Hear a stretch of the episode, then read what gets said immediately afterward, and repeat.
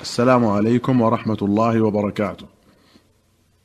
في كتاب ذكر رسول الله صلى الله عليه وسلم أخرج البخاري عن عروة بن الزبير قال لما سقط حائط حجرة قبر رسول الله صلى الله عليه وسلم في زمن الوليد بن عبد الملك أخذوا في بنائه فبدت لهم قدم ففزعوا وظنوا أنها قدم النبي صلى الله عليه وسلم فما وجدوا أحدا يعلم ذلك حتى قال لهم عروة لا والله ما هي قدم النبي صلى الله عليه وسلم ما هي إلا قدم عمر رضي الله عنه. وأخرج مسلم عن أبي هريرة أن رسول الله صلى الله عليه وسلم قال أنا سيد ولد آدم يوم القيامة وأول من تنشق عنه الأرض وأول شافع وأول مشفع. وأخرج مسلم عن أنس قال قال رسول الله صلى الله عليه وسلم أنا أول شفيع في الجنة. لم يصدق نبي من الأنبياء ما صدقت وإن من الأنبياء نبيا ما يصدقه من امته إلا رجل واحد. وفي رواية أنا أول الناس يشفع في الجنة وأنا أكثر الأنبياء تبعا يوم القيامة وأنا أول من يقرع باب الجنة. وفي أخرى أن رسول الله صلى الله عليه وسلم قال آتي باب الجنة يوم القيامة فأستفتح فيقول الخازن من أنت؟ فأقول محمد. فيقول بك أمرت ألا أفتح لأحد قبلك. باب بدء الوحي وشدته.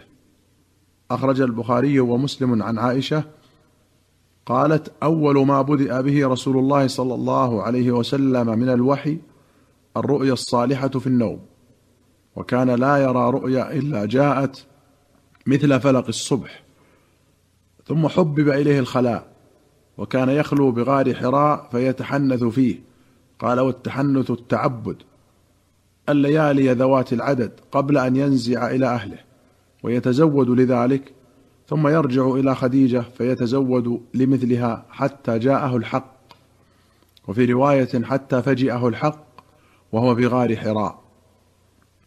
فجاءه الملك فقال اقرأ. قال قلت ما أنا بقارئ. قال فأخذني فغطني حتى بلغ مني الجهد ثم أرسلني فقال اقرأ. فقلت ما أنا بقارئ. فأخذني فغطني الثانية حتى بلغ مني الجهد.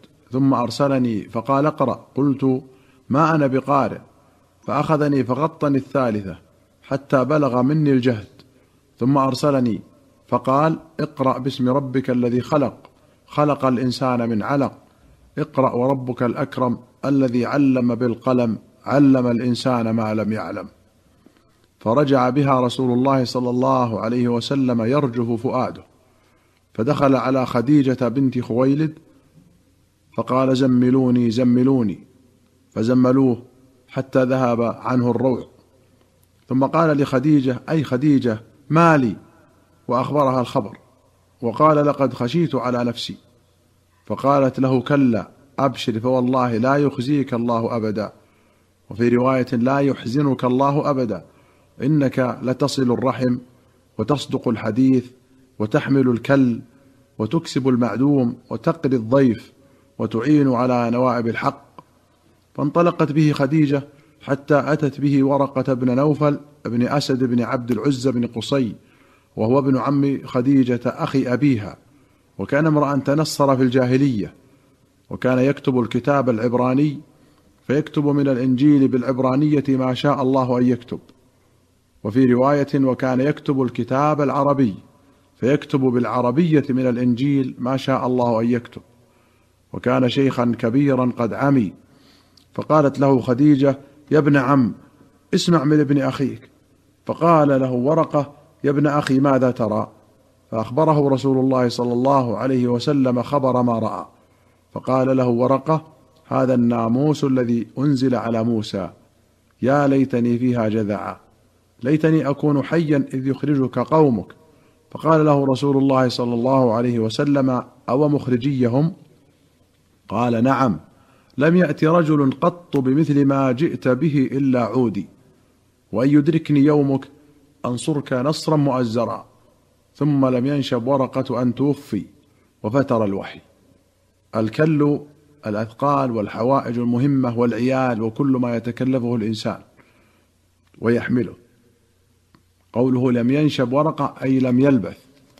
وأخرج البخاري ومسلم عن جابر أن النبي صلى الله عليه وسلم قال جاورت بحراء شهرا فلما قضيت جواري هبطت فنوديت فنظرت أمامي وخلفي وعن يميني وعن شمالي فلم أر احدا ثم نوديت فنظرت فلم أر احدا ثم نوديت وفي رواية سمعت صوتا من السماء فرفعت رأسي فإذا الملك الذي جاءني بحراء جالس على كرسي بين السماء والأرض.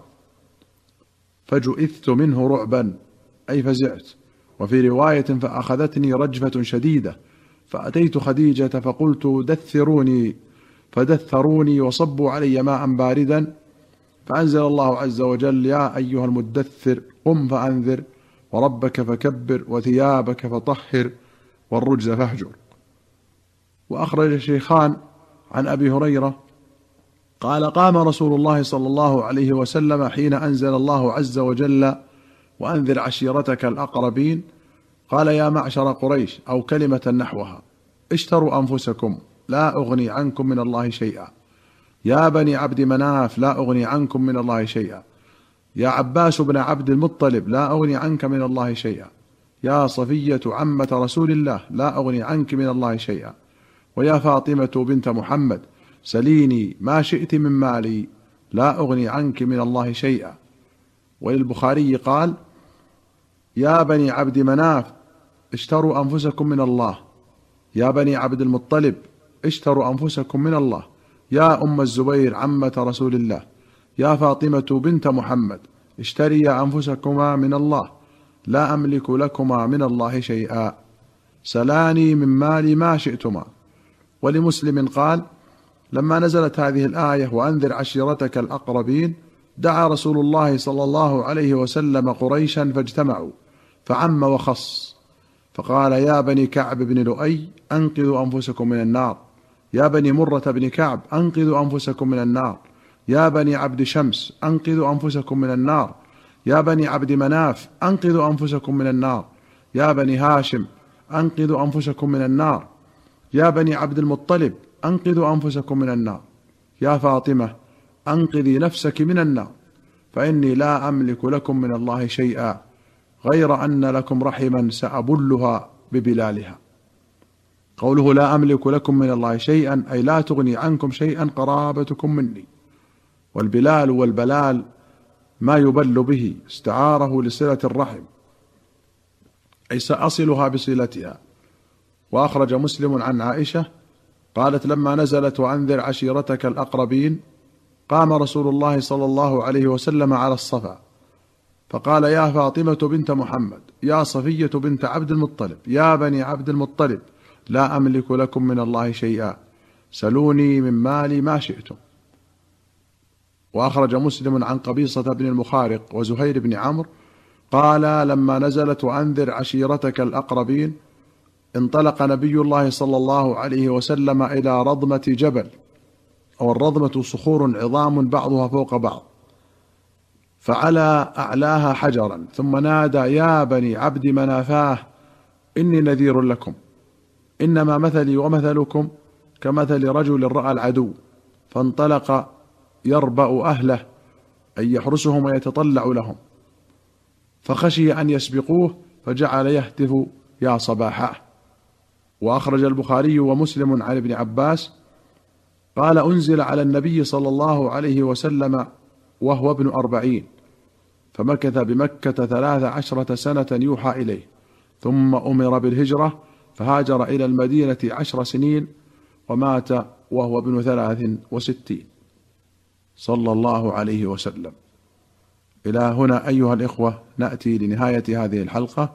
حتى نلقاكم في الحلقة القادمة. نستودعكم الله. والسلام عليكم ورحمة الله وبركاته.